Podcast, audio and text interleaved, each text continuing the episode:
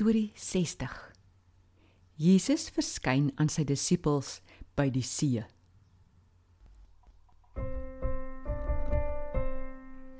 Kom luister na die storie se les almal waar.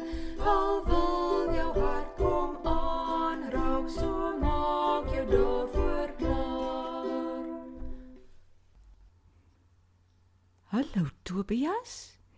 En as jy vandag 'n swemhanddoek saam met jou dra? Hallo Tannie, ek is so lus vir die see. Die handdoek laat my songer voel. Ek gaan see toe. Weet Tannie dat ek daai van die see hou? Nee Tobias. Ek sou nou nie dit kon dink nie. Um hoekom hou jy so baie van die see? O, julle mense kan lekker swem daarin. Die see is mooi om na te kyk en daar is lekker visse daarin wat mens kan eet. Tannie, daar is dit dalk 'n see storie vir vandag nie? Hoe het jy geweet die derde storie wat ek vir jou wil vertel oor Jesus se verskyning aan mense na sy opstanding is juis 'n see storie? Dis wonderlik. Ek gaan nou op my handdoek sit en mooi luister na die storie. Tobias, die tyd nadat Jesus opgestaan het uit die dood, was hy nie meer heeltyd saam met sy disippels soos voor sy dood nie. Die disippels het nie so lekker geweet wat om te doen nie. Hulle gaan toe eendag so op hulle eie na die see van Galilea, daardie selfde see waar Jesus die storm stil gemaak het. Petrus kyk die water toe so terwyl hy daar sit en sê vir die ander: "Haai ouens, ek gaan visvang." Die ander kyk na hom en na mekaar en sê: "Nee, maar dan gaan ons saam." Hulle vat toe hulle nette, klim in die boot en probeer een hele nag om vis te vang. O, lekker. Hoeveel visse het hulle gevang? Raai, nie eers een ou visie nie. Ag, nee. En toe gaan hulle na huis toe. Nee.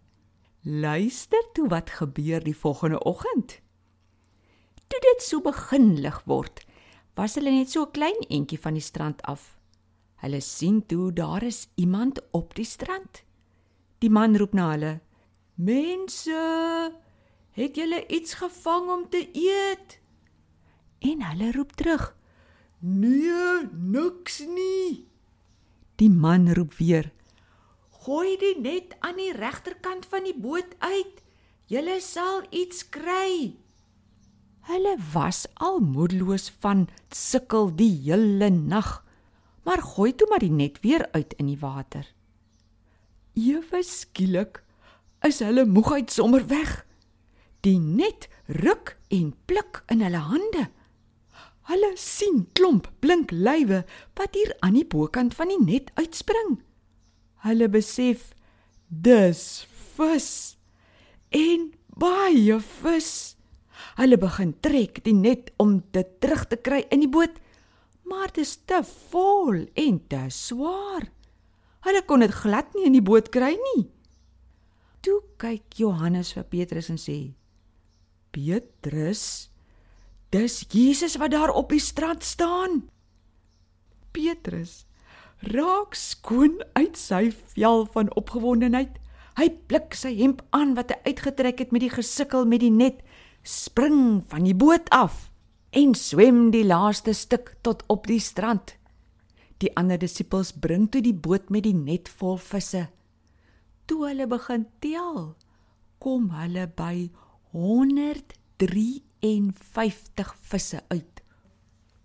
Dis nou vir jou 'n klont vis.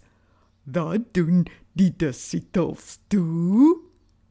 Tobias, toe hulle op die strand kom, en almal uit die boot klim, sien hulle vir Jesus 'n vuurtjie, 'n stuk vis daarop en 'n brood.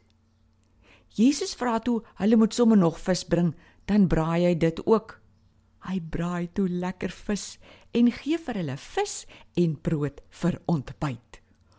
O Jesus is vol verrassings.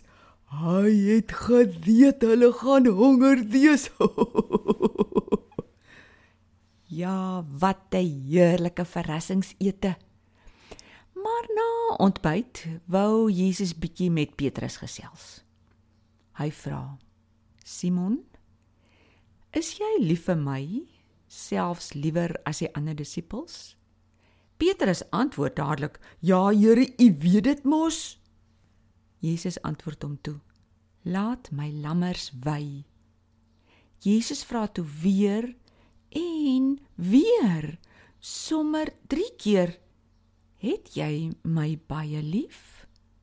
Hier by die derde keer toe raak op Petrus skoon hartseer oor Jesus hom 3 keer vra of hy vir hom lief is en 3 keer vir hom sê om sy skape op te pas en te laat wy. Haai, maar het Petrus dan nie ook 3 keer voor Jesus se kruisiging vir mense gesê hy ken nie vir Jesus nie? Dis heeltemal reg. Hier het Petrus nou kans gekry om vir Jesus te sê hy is regtig lief vir hom en is jammer oor daai woorde.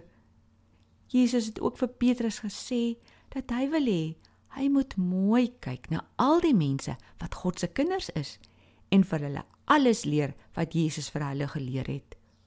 Sjoe, Tannie, ek is so bly Petrus het daai werk gekry daar by die see en dit gedoen. Want anders sou ons nos nou nie geweet het van Jesus nie.